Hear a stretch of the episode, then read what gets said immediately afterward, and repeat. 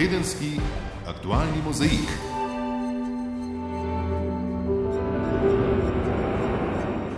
Spoštovane poslušalke, spoštovani poslušalci, lepo pozdravljeni. Nobenega dvoma ni. Če smo v začetku junija še trmasto verjeli, da smo novi koronavirus izkoreninili, je dober mesec dni pozneje slika povsem drugačna. Z odpiranjem meja se je ta mikroorganizem vrnil, v začetku s pomočjo prišlekov od drugot, zdaj pa kroži zlasti znotraj države. Včeraj so, če kdo more biti še ni slišal, potrdili 34 novih okužb, kar je največji dnevni prirast od konca aprila. Infektologinja Bojana Beovič in spet se, kot vem, po preliminarnih podatkih ponavlja isti vzorec. Večinoma gre za skupke okužb, ki izvirajo iz eh, zasebnih eh, zabav. To je nekaj, kar je postalo izrazito, izrazito nevarno. Če bi tako pri nas pogojno rečeno še lahko govorili o drugem valu, pa ni nobenega dvoma, da v svetu še zdaleč ni minil niti prvi, čemur pritrjuje Svetovna zdravstvena organizacija. Dr. Mario Fafangel z Nacionalnega inštituta za javno zdravje. Epidemiološka slika po svetu v resnici se ni nikoli umirila. 11 milijonov primerov celokupno, kar pomeni, da v samih šestih dneh je šlo na svetu število primerov iz 10 milijonov na 11 milijonov. To pomeni, da imamo na dan trenutno približno 200 tisoč primerov COVID-a v svetu. V Evropi smo presegli mejo milijon, milijona in pol primerov, v Sloveniji je ta številka sedaj 1739. To je epidemiološka krivulja sveta.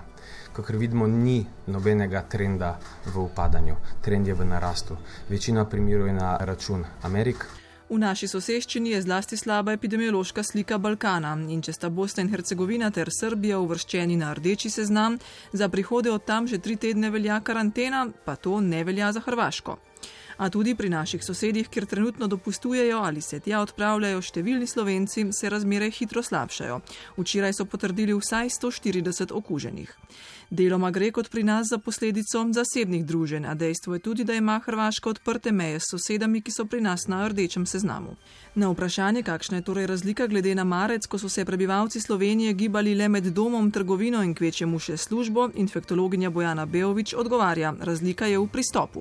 Po tem prvem valu, ki ga je bilo seveda zelo pomembno, zelo hitro zatreti, je sedaj treba pravzaprav dolgoročno vzpostaviti neko stanje, v katerem bo bolezen seveda prisotna, ker ne moremo preprečiti, da, da sploh ne bi bila.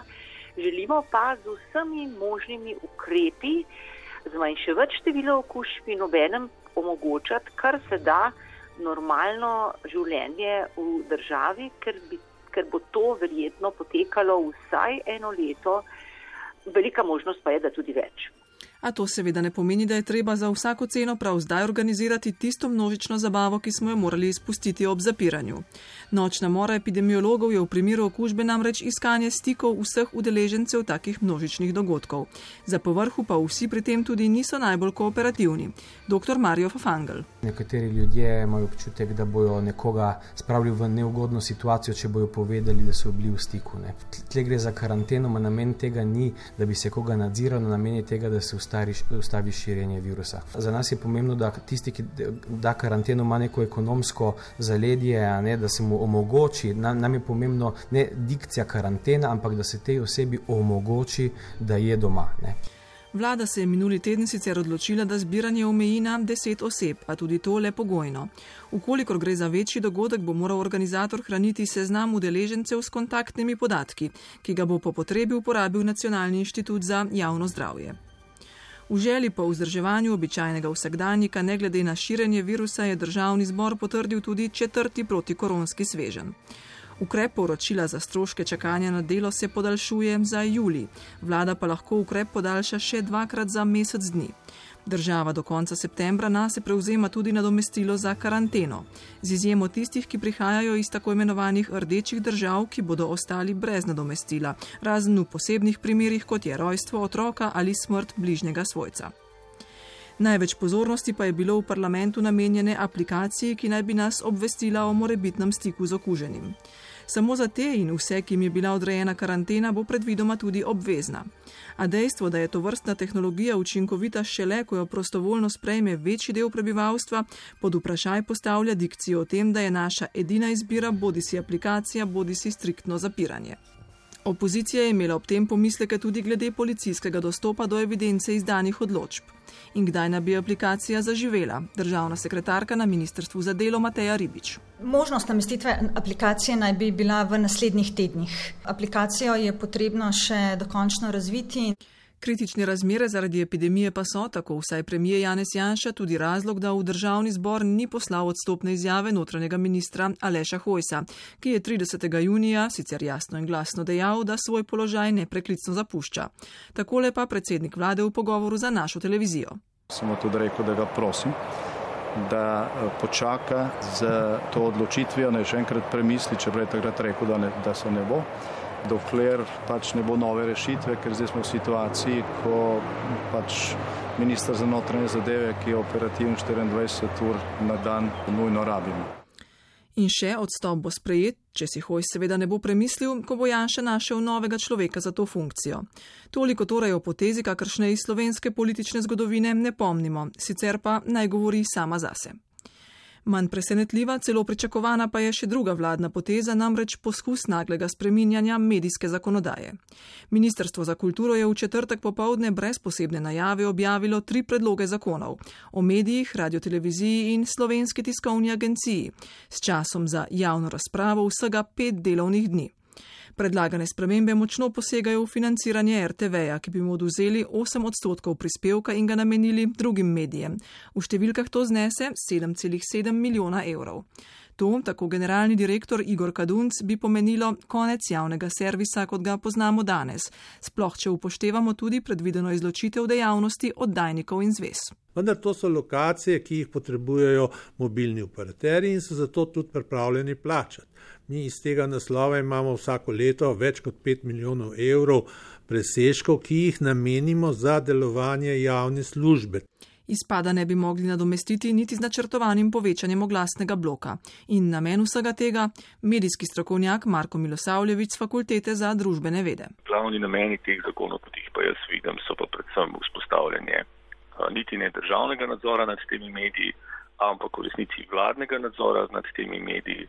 Tako je tudi napisan tako zakon o STA, ki ponovem vzpostavlja popolni vladni nadzor in s tem bi spremenili seveda slovensko tiskovno agencijo v vladno promocijsko agencijo. Na politični razplet še čakamo. Tudi iz koalicijskih strank pravijo, da niso brez pripomb. A hujša nesoglasja bi bila bolj presenečenje kot kaj drugega.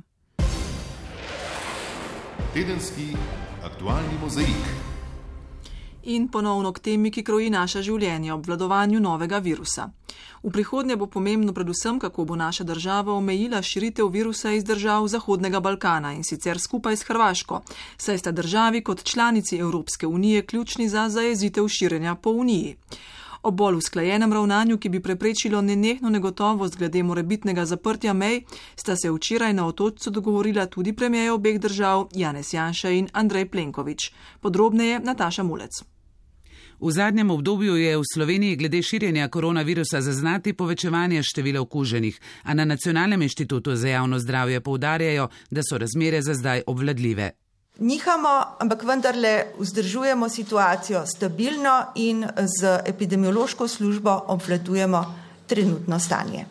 Nuški čak Šijagar z NIJZ-ja prikimava tudi minister za zdravje Tomaš Gantar. In eh, dejstvo je tudi, da obolevajo predvsem mlajši in približno tretjina okužb poteka praktično asimptomatsko. In v tem trenutku mislim, da so zadeve res eh, obvladane in da zdravstveni sistem seveda vse to, kar se dogaja, eh, trenutno zmore brez kakšnih posebnih težav.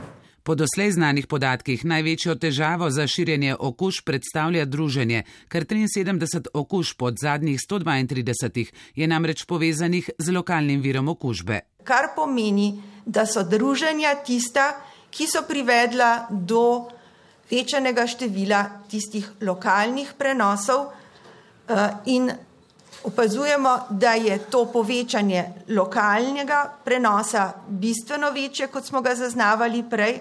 In kar je zanimivo, imamo tudi večje število primerov neznanega vira.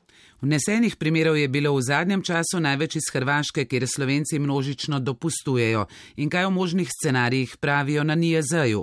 Tudi na Hrvaškem je ta krivulja podobna kot je naša. To se pravi, gre za dvig, ampak vendarle na Hrvaškem vidimo ta dvig bistveno višji, s tem, da je bilo 27.6. skokovit skok števila primerov in potem to nihanje ohranja to visoko število primerov dnevno. Da bosta Slovenija in Hrvaška uskladili ukrepe, sta se dogovorila tudi premijeja obeh držav, Janez Janša in Andrej Plenković. Pristojni si bodo informacije izmenjali vsak dan. Zdaj eno od dobrih uh, vesti, iz, uh, ki sledi iz izmenjave teh podatkov, je to, da imamo praktično uh, podobne informacije, podobne podatke in tudi podobne izkušnje glede tega, kaj je v bistvu tisto najnevarnejše okolje za širjenje okužbe in da med eh, te, eh, ta okolja in te dejavnosti pravzaprav eh, ta bazična turistična dejavnost ne spada. Ena od rešitev omejevanja širjenja okužb je v aplikaciji sledenja okužb. Prava pot za omejitev okužb pa so tudi karantene. Nuška Čak Šjagar je ob tem nanizala nekaj ugotovitev, dobljenih na doslej zbranih podatkih. Število obolelih v karanteni ni zanemarljivo, kar pomeni, da je potrebno to karantensko odločbo resnično spoštovati, saj ščiti ljudi, populacijo, da v primeru tistega 14-dnevnega odloka vendarle zaznamo tudi tiste, ki so bili v tesnem stiku in potem zbolijo. Po najnovejših raziskavah namreč ne gre računati na večinsko imunost, torej na stanje, ko bi preboleli virus in bili nanj odporni. Odstotek tistih, pri katerih so ugotovili protitelesa, je namreč manjši od pričakovanega kar nakazuje seveda na to, da bo zelo težko ali pa bi bilo tudi, če bi bili ukrepi manj strogi, zelo dosežti ustrezno prekuženost uh, populacije, da bi bili na varnem območju glede nadaljevanja te bolezni. To pomeni tudi to, da bomo na daljši rok enostavno se morali naučiti živeti z tem novim koronavirusom in s COVID-om in uh, iskati pač tiste rešitve pri sebi, da se zavarujemo, pri sebi in svojih in ostalih, na drugi strani pa seveda s tem tudi omogočiti, uh, da bomo pač živeli normalno kot družba, se pravi, da ne bomo vsakič zaustavljali gospodarstva, dejavnosti. Torej, distanca dveh metrov, higiena rok in kašlja ter pravilna uporaba mask v zaprtih prostorih ostajajo najviše na seznamu preprečevalcev širjenja virusa. V rokah vsakega posameznika pa je odgovorno ravnanje do sebe in drugih. Eno izmed večjih žarišč okužbe je tudi tokrat dom za starejše. Po zadnjih podatkih je v centru starejših v Vipavi potrjenih skupno 21 pozitivnih primerov. Okuženih je 13 stanovalcev, 7 zaposlenih in en zunani sodelavec. Devet stanovalcev so prepeljali na Ljubljansko infekcijsko kliniko, štirje pa so nastanjeni v rdeči coni v domu v Vipavi. Vsi se, vsaj za zdaj, počutijo dobro in nimajo težjih znakov bolezni. Ključno za uspešno zajezitev okužb je takojšnje ukrepanje, povdarja stroka, a domovi za starejše opozarjajo, da so še vedno v precejšnji meri prepuščeni sami sebi, hkrati pa tako kadrovsko kot finančno povsem podhranjeni. Ali bo dobrih 30 milijonov evrov iz četrtega protikoronskega paketa rešilo vse probleme, prisluhnimo Snežani Iljaš. Domovi za starejše že najmanj desetletje opozarjajo na vse večjo kadrovsko podhranjenost ter bežanje podplačanih in povsem iztrošenih zaposlenih v tujino ali celo v druge panoge. Vse nakopičene težave je kriza zaradi novega koronavirusa zdaj še poglobila. Četrti svežen protikoronskih ukrepov tako prinaša 31 milijonov proračunskih sredstev za financiranje dodatne kadrovske podpore v naslednjih dveh letih. Bo kljub temu potreben dvig oskrbnin, državna sekretarka na Ministrstvu za delo Mateja Ribič. Zelo pomembno pri tem je, da kadrovsko okrepitev in izboljšanje standarda v domovih ne bo preložena na plače oskrbovancev oziroma zato ne bo potreben dvig cen oskrbnin. Finančna sredstva namenjamo financiranju dodatnih kadrov v socialnih varstvenih zavodih v javni mreži za izvajanje socialno-varstvenih storitev. Mnogi domovi za starejše se zaradi epidemije že zdaj soočajo s precejšnjimi likvidnostnimi težavami, tudi v Šmarju pri Jelšah priznava direktorica Gordana Drimel. Če potegnemo vse skupaj, pravzaprav dodatki, stroški zaščitne opreme, izpad dohodkov, je to cirka 400 tisoč evrov pa še preko. Pri zagotavljanju dodatnih kadrov pa ni problem samo denar. V skupnosti socialnih zavodov upozarjajo, da je delo v domovih za starejše odgovorno in vse bolj zahtevno in zaposleni so marsikdaj preobremenjeni in izgoreli, zato je nujno zagotoviti tudi boljše delovne razmere. Ministr za delo Janez Cigler ob tem opozarja, da je denar mišljen za kadrovske ukrepitve. Kako konkretno naj bi ga porabili? pa se dogovarjajo skupaj s skupnostjo socialnih zavodov. Jaz mislim, da bomo najbolj od socialno-varstvenih zavodov izvedeli, kje so potrebe in kako potem to z uredbo uh, razporediti in nameniti, da bo ta denar resnično dosegel svoj namen. Metodologijo o razdelitvi sredstev in določitvi kadra morajo, kot povdarjajo na ministrstvu, pripraviti v mesecu dni od začetka veljavnosti zakona, torej od današnjega dne. Podatka, kolikšen je skupen znesek minusa v vseh slovenskih domovih za starejše, na ministrstvu še nimajo, a kot obljublja minister, naj bi domovi denar dobili v najkrajšem možnem času.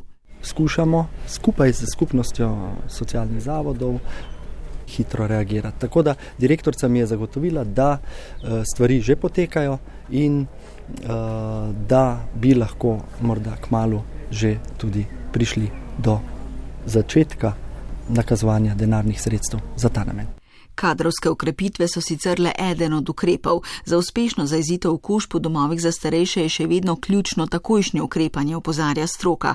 Za zdaj se dogovorjeni protokol ne spreminja, prve okužene naj bi v 24 urah prepeljali v bolnišnice, zato da v domu pripravijo rdeče cone. Obsežna testiranja in podobno, na to ostanejo v bolnišnični oskrbi samo še tisti, ki jo potrebujejo. Aleš Rozman z klinike Golnik. Če imamo pravilen lockdown neke take inštitucije, predvidevamo, da se taka okužba do konca, taka epidemija, mini epidemija do konca lahko izteče v teh do štirih tednih in potem ta dom normalno zaživi. V domovih, kjer opozarjajo, da poleg pomankanja kadrov nimajo niti prostorskih, niti tehničnih možnosti za usamitev okuženih, se za zdaj odločajo različno. Številni so v strahu pred širitvijo okužbe že povsem zaprli svoja vrata. Enotni protokol, kako ob okužbah v domovih ravnati v prihodnje, pa se še vedno pripravlja. Zdaj pa k gospodarskim razmeram. Napovedi gospodarskih gibanj po pravilu pritegnajo veliko pozornost, še toliko bolj v teh negotovih časih. Spreminjajo se tako rekoč iz meseca v mesec in to na slabše. Evropska komisija v poletni napovedi ugotavlja, da bodo posledice pandemije globlje, okrevanje pa počasnejše. Letos pričakuje skoraj 9 odstotni upad v območju evra in malo več kot 8 odstotnega v Uniji. Za Slovenijo pričakovanj niso spreminjali, ohranjajo 7 odstotno krčenje bruto domačega proizvoda. Zdenka Bakalar. Evropska komisija je oceno od marca do julija znižala za eno odstotno točko. Če je na začetku epidemije pričakovala, da se bo ekonomija v evroobmočju letos krčila za slabih 8 odstotkov, zdaj napoveduje skoraj 9 odstotni upad bolj natančno 8,7 odstotno znižanje.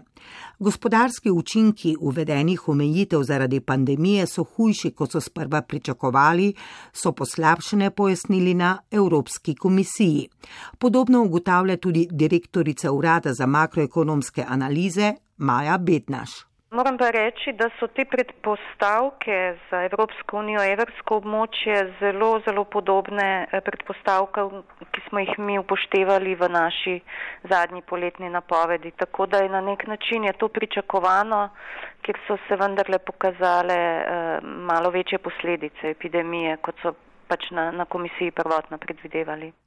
Ker se zdravstvene razmere v mnogih državah zaostrujajo, ni izključeno, da bomo priča še dodatnemu upadu, pa meni profesor Ljubljanske ekonomske fakultete Sašo Polanec.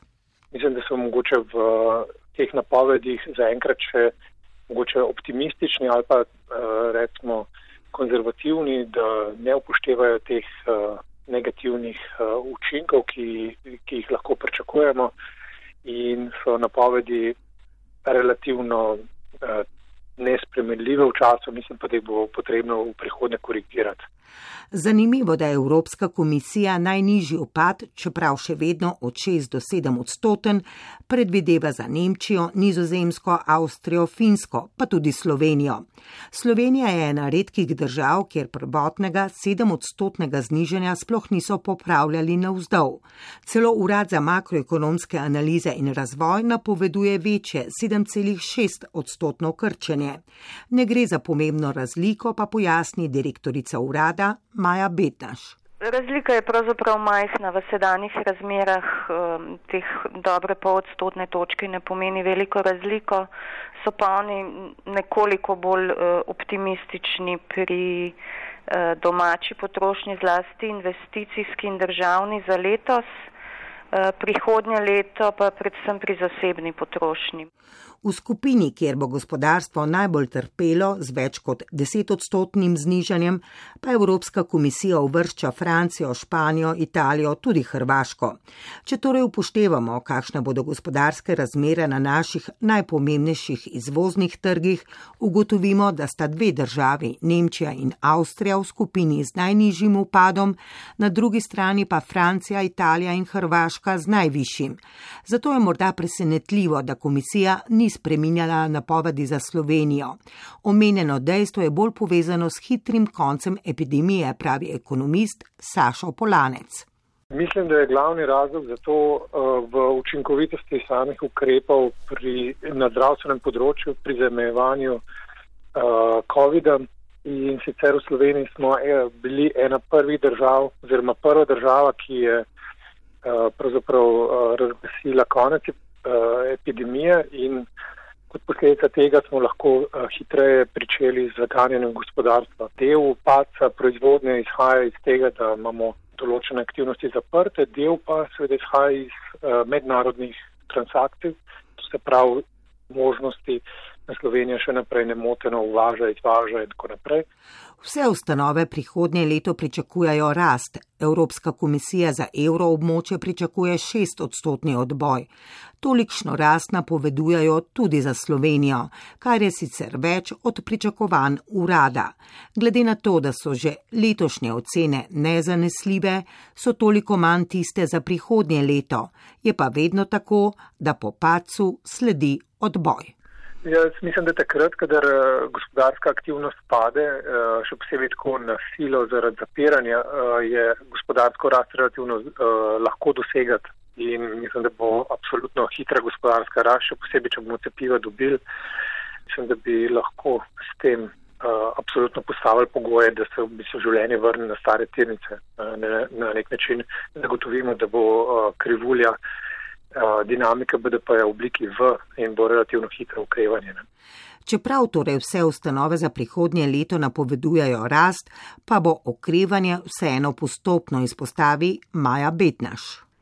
Seveda pa to še ne pomeni, da, da bi se slovensko gospodarstvo vrnilo na tiste ravni pred izbruhom epidemije.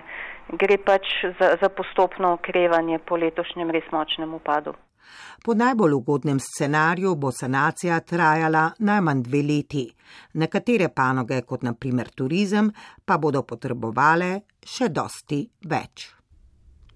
Po dveh mesecih in pol od sprejetja zakona za dodatno likvidnost gospodarstvu pa banke do danes še vedno niso odobrile niti enega posojila z državnim jamstvom. Razlogov je več, med drugim podjetja so v tej krizi kapitalsko močnejša, kot so bila v prejšnji. Za banke je postopek podeljevanja posojil z jamstveno schemo nekoliko bolj zapleten kot pri običajnih posojilih. Premalo pa je tudi že pripravljenih projektov za financiranje. Predvidoma naj bi posojila z državnim jamstvom torej zaživela jeseni. Urška je rep. Po sprejemu zakona so se dva meseca vrstila številna odprta vprašanja. Z uredbo, sprejeto pred dvema tednoma, naj bi se zadeve zdaj vendarle uredile in pospešile, ugotavlja viceguverner Banke Slovenije dr. Primož Dolenc. Je res, da je bilo veliko odprtih vprašanj, eh, veliko dilem eh, in zato tudi banke niso odobravale eh, to vrstnih posojil. Tako da zdaj bankiri pravijo, da je ta zadeva pod streho, kot ste rekli, Tudi mi mislimo, da nekih uvir vsebinskih za odobravanje teh eh, kreditov ni več. Zdaj se bo pa verjetno začel proces odobravanja, seveda pa vsak proces odobravanja posojil ni takšen, da se, da se banka in komitent dogovorita čez noč. Ne. Ta proces je kar kompleksen, traja teden, dva. Uh, zato mislim, da se bo zdaj uh, res lahko ali pa pričakujemo ali pa upamo, da se bo, da se bo proces uh, nadaljeval uh, zato, da bo pač gospodarstvo oziroma tisti, ki rabijo ta posojila, ta posojila tudi dobili. Država bo za to vrstna posojila bankam jamčila za 70 do 80 odstotkov najetih sredstev. Okrepljeno popraševanje po njih pa predsednik uprave Sidbanke Sibil Svilan pričakuje v zadnji tretjini leta. Vsekakor pa bo jamstvena schema verjetno zelo, zelo dobro prišla v jesenskem času bankam, ker takrat pričakujemo tudi ponovno eh, povečanje zahtev za likvidnost in pa seveda zlasti za investicije. Namreč treba je povedati, da slovenska podjetja in tudi celo gospodarstvo, pa zlasti banke, so v to krizo vstopile dosti bolje pripravljene ali pa v dosti boljših likvidnostnih položajih, kot so bile v prejšnji krizi. Vse to je seveda tudi odraz tega, da tako velikih popraševanj po likvidnosti v teh prvih mesecih krize, eh, kot so jih nekateri pričakovali, ni bilo. Država v ta namen zagotavlja 2 milijardi evrov. Bo to dovolj, viceguverner Dolenc? To je zelo težko oceniti. Uh, mi smo, ko smo delali svoje analize, izhajali iz določenih predpostavk, kam se bo gibalo gospodarstvo, kam se bo gibali posamezni segmenti gospodarstva, kako bo z bančnimi komitenti. In nekako smo naredili oceno, da je teh 2 milijardi za dosti, vsaj za prebrodati prvi val. Zdaj lahko se zgodi, da je, da je ta številka uh, še celo prevelika, lahko se bo zgodilo, da je premajhna, ampak za, za, nek, za nek prvi, uh, prvi udarec ali pa za, za prvo prebroditev krize mislim, da bo zadoščila. Svilen se s tem strinja, sploh ker kot pravi, zdajšnja kriza ni nastala zaradi pomankanja kapitala ta kriza ni kriza likvidnosti ali finančna kriza, kot je bila prejšnja, ampak je kriza v bistvu strukturne narave, bistveno bolj globoka, v zvezi s tem pa bistveno bolj radikalna v smislu realokacije tako trgov kot seveda produktov in pa seveda tudi premoženja in lastništva. In v tem primeru so seveda ključni te projekti, za kar sprašujete, tisti projekti, ki so uspešni, ne samo z vidika donosnosti, ampak imajo lahko tudi nek značaj zelenih projektov prihodnosti. Naprimer, tipičen primer tega je v avtomobilski industriji. Zato bo tudi za blaženje te krize potrebno več kot le posojila, je prepričan Svilan. Med drugim bo treba najti tehtne projekte z izboljšanimi poslovnimi modeli in višjo dodano vrednostjo. Tedenski aktualni mozaik. Ura je 17 in 31 minut, tedenski aktualni pregled dogodkov poslušate. Po medijskem blitzkrigu največje vladne stranke SDS se vrstijo večinoma obupane ugotovitve, da hoče vlada spodkopati javno radiotelevizijo in nahraniti svojo Nova 24 TV, skupaj s Planetom TV, ki gre v mađarske roke. Obenem pa slovensko tiskovno agencijo podrediti sebi in iz zakona izbrisati njeno neodvisnost. Urbanizacija medijske krajine lahko uspe, če se koalicijske partnerice SMC, Nova Slovenija in Desus ne bodo uprle. Za razpravo v četrtek objavljenih sprememb kar treh zakonov z področja medijev je na voljo le pet dni javne razprave. Maja Derčar. Novele zakona o medijih RTV in STA so bile objavljene brez poročila ali opozorila v četrtek popovdne. Petra Lesjak Tušek, predsednica Društva novinarjev. Mislim, da se arogantna drža oblasti odraža že v nespremljivo kratkem roku za pripombe in to v času koriščanja voucherjev za dopust. Profesorja medijskega strokovnjaka Marka Milosavljeviča vse to spominja na 2004, ko je bil zakon o RTV objavljen na veliki petek 1. aprila, kulturni minister je bil Vasko Simoniti in tudi takrat je bil rekordno kratek rok za javno razpravo. Rok, ki so ga ponavadi deležni zakoni z področja naravnih nesreč. Mislim, da javna radiotelevizija ne takrat, ne danes ni naravna katastrofa, mislim, da gre za zelo pomembno kulturno, družbeno institucijo, posebej pomembno v ravno v trenutkih, kot je trenutni, kar pomeni kriza, nezaupanje, lažne novice in hkrati pomen na izobraževalne vsebine za otroke, recimo um, razne regi regije in tako naprej. Uh, STA kot servis, ki servisira praktično vse slovenske medije, ki mora biti stabilen, pa hkrati neodvisen.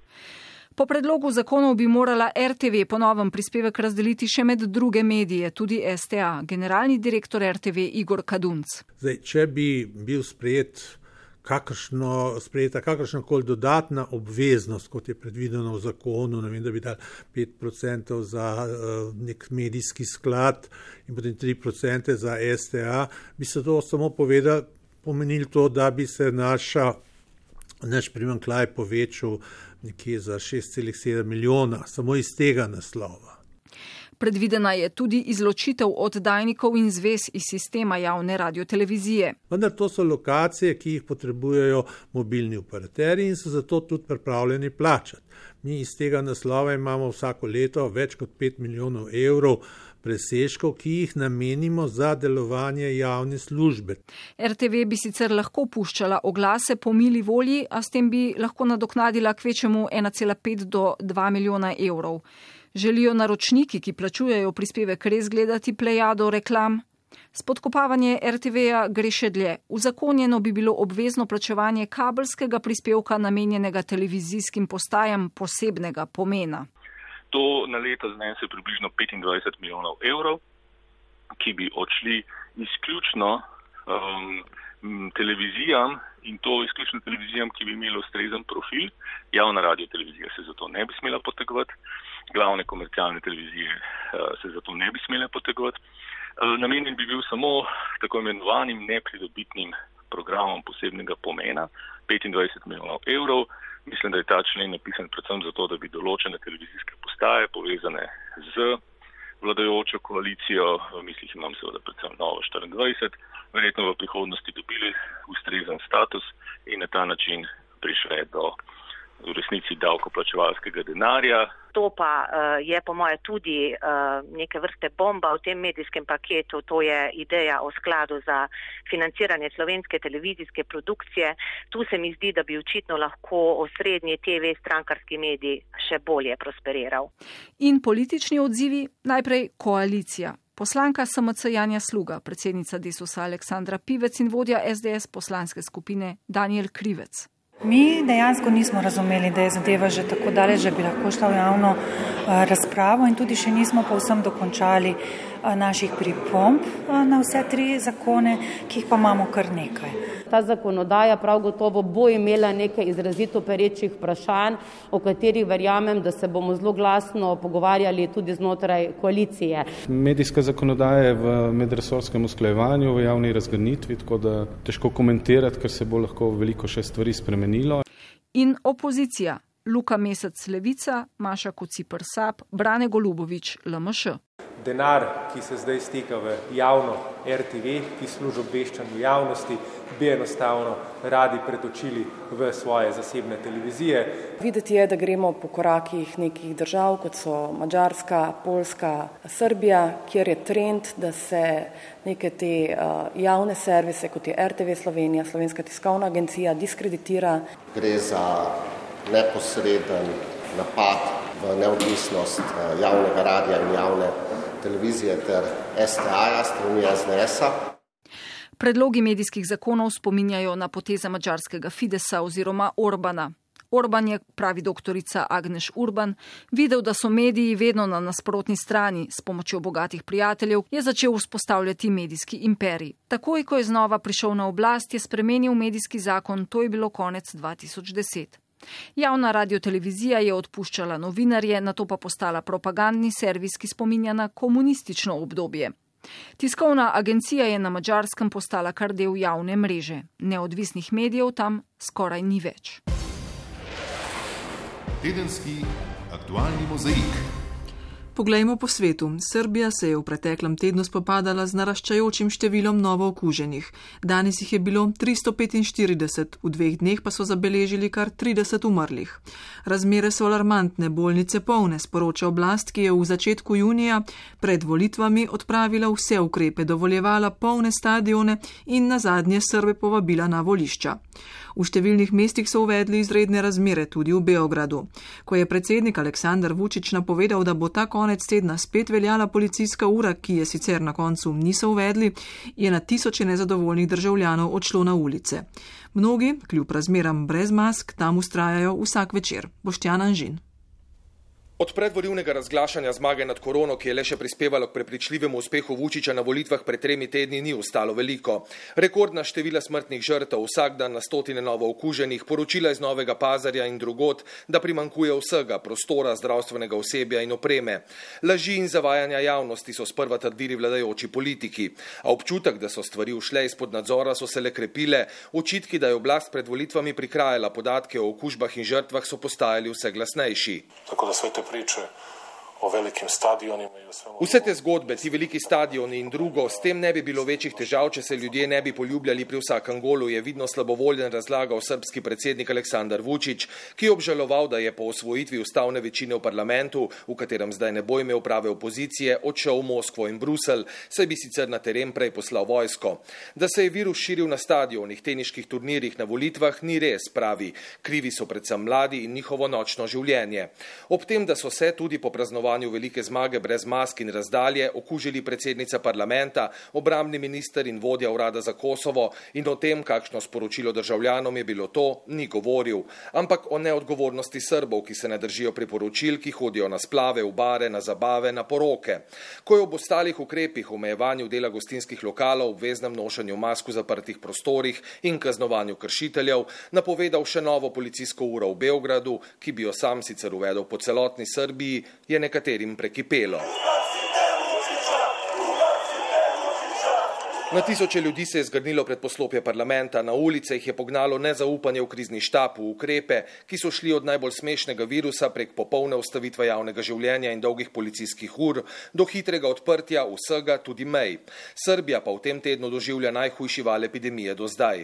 Ljudje so jezni, Vučiću očitajo, da je avtokrat, tepta demokracijo, vse dosedanje mirne proteste je označeval za politične, tako kot takrat je omenjal tuje sile. Ker institucije po mnenju kritikov ne delujejo in ker po zadnjih volitvah dobršen del Srbov v parlamentu nima svojega glasu, mnogi ulico vidijo kot edino priložnost, kjer lahko pokažejo svoje nezadovoljstvo s trenutnimi razmerami. Mada velika večina je shvatila, da ne možemo ništa nasiljem da postignemo. Večina razume, da nasilje ne vodi nikamor, hočemo le, da nam kdo prisluhne. Vidim, da je cilj, da bodo proti jednog človeka trenutno. Zdaj protestnike povezuje nasprotovanje enemu človeku, ampak vsak je tu iz svojega razloga. O prvih spopadih, ki so presenetili policiste, so nasilni vdor v parlament vodili pristaši ultradesničarja Srđa na noge, ki so prej izvolili svojo vlado, spisali svojo ustavo in že takoj po volitvah zahtevali vstop v parlament. Tu so skupine, ki v ospredje postavljajo Kosovo in ki po mnenju večine, ki se v vse več srpskih mestih zbira zaradi nezadovoljstva, kot pravijo z Vučičevim režimom, tudi v dogovoru z oblastjo preusmerjajo pozornost. Tako kot poskušajo nasilneži, nekateri domnevno povezani z Vučičevo stranko, proteste prikazati kot nasilno divjanje.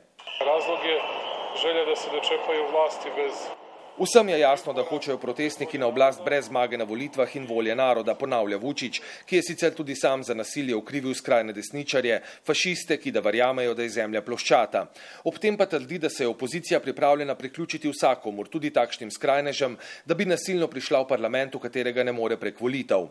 A nasilje sproža nekaj deset ljudi, v glavnem mladih zamaskiranih moških, ki v policiste mečejo kamenje, napadajo tudi novinarje in ne želijo, da jih fotografirajo ali snemajo. Protest protestniki pa so predstavnike opozicije pregnali in nekatere celo napadli, saj jim prav tako ne zaupajo, predvsem ker je večina v preteklosti imela svoje priložnosti, a se je ujela v podobne vzorce vladanja. Zveza za Srbijo po bojkotu volitev zahteva prevzem odgovornosti za policijsko nasilje. Vučiću sporočajo, da bo zaradi škandaloznih in neustavnih ukrepov osebno odgovoren za vse smrtne žrtve. Tražimo hitno imenovanje novog Zahtevamo takojšnje imenovanje novega depolitiziranega kriznega štaba, ki mu bodo ljudje verjeli. Gledali smo ranjene, aretacije, ogromne količine souzivca, mirni protestniki so pred včerajšnjim izgrede uspešno preprečili tako, da so protestirali sede. Ne znači, da će protesti tako da se nastave. Znači, ćemo... Ni nujno, da se bo tako nadaljevalo in da bomo sede izgubljali čas, pravi eden od njih. In že si noči se je nasilni scenarij ponovil. Obećao sam vam da ćemo umeti da zaštitimo mir i stabilnost. Obljubil sem vam, da bomo znali zaščititi mir in stabilnost kljub kriminalnim, huliganskim, nasilnim napadom, ki so nas vse šokirali, je iz Pariza, kjer ni bilo opaziti napredka v pogovorih s Prištino, sporočil Vučić. Doma je ljudi k spoštovanju ukrepov pozivala premijajka Ana Brnabič. Rotila jih je naj ob zdravstveni katastrofi, ki se napoveduje Srbiji, pozabijo na politični boj, v katerem je še pred nekaj tedni zelo aktivno sodelovala tudi sama. Ono što se dešavalo sinoć u gradu, ono što se dešavalo predsinoć u gradu, To, kar se je v mestu dogajalo sinoči in predsinočnim, bomo zagotovo drago plačali. Za zdaj ni videti, da bi se protesti ustavili. Ne na zadnje je večina Srbov prisiljena ostati doma, saj so zaradi razmer v državi za njih meje večinoma zaprte. Po novem negativen test ob vstopu v državo ali 14-dnevno izolacijo zahtevajo tudi v Severni Makedoniji. Ob Grško morje ne morejo več, do Hrvaške se vrata počasi zapirajo. Na celotnem Zahodnem Balkanu se razmere zaostrujejo, zdravstveni sistemi so na robu, nezadovoljstvo ljudi je vse večje večje. Res pa je tudi, da so v preteklih mesecih delovali ostri ukrepi in prepovedi, zdaj, ko je odgovornost v rokah vsakega posameznika, so težave vse večje. Ostajamo v regiji, danes mineva 25 let od padca Srebrenice in pokola več kot 8300 bošnjaških mož in fantov. Mednarodna sodišča in različne organizacije so zločin označile za genocid. Na dan spomina na genocid v Srebrenici je vsako leto v vasi potočari žalna slovesnost, na katero pravijo tudi pokop žrtev, ki so jih zadnje identificirali. Tako je bilo tudi danes. Dogajanje v zvezi s Srebrenico spremlja Marjan Vešligar. Marjan, pozdravljen. Dobar dan. Tudi danes je bila v potočarih žalna slovesnost kljub zaščitnim ukrepom zaradi COVID-19.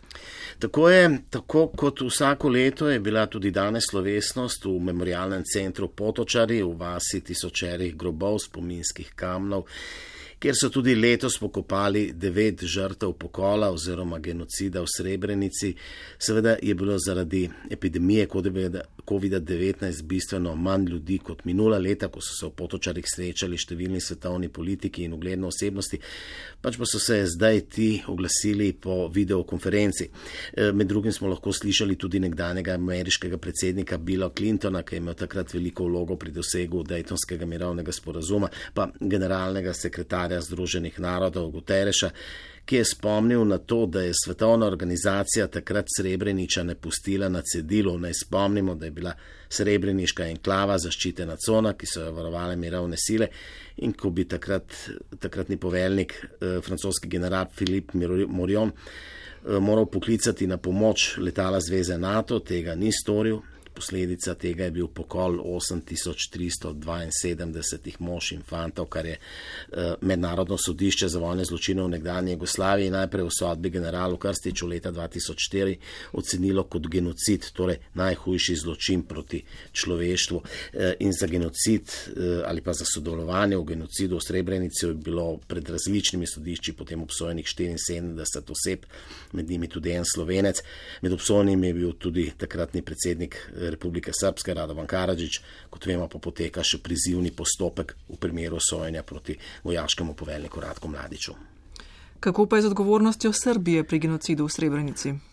Tako meddržavno sodišče v Hagu je v primeru tožbe Bosne in Hercegovine eh, Srbijo oziroma takratno zvezdno Jugoslavijo je ni prepoznalo kot krive za, krivo za genocid. Ugotovilo pa je, da bi lahko vodstvo v Beogradu naredilo več, da bi zločin preprečilo. Zanimivo je, da tudi nihče iz vodstva Srbije, vključno s predsednikom Slobodanom Miloševičem, ni bil pred sodiščem za zločine v nekdanji Jugoslaviji obsojen za zločin v Srebrenici, kar sproža precej razočaranja, med, eh, predvsem med bošnjaki, hkrati pa se s tem odpirajo mnoga neodgovorjena vprašanja o tej vojni.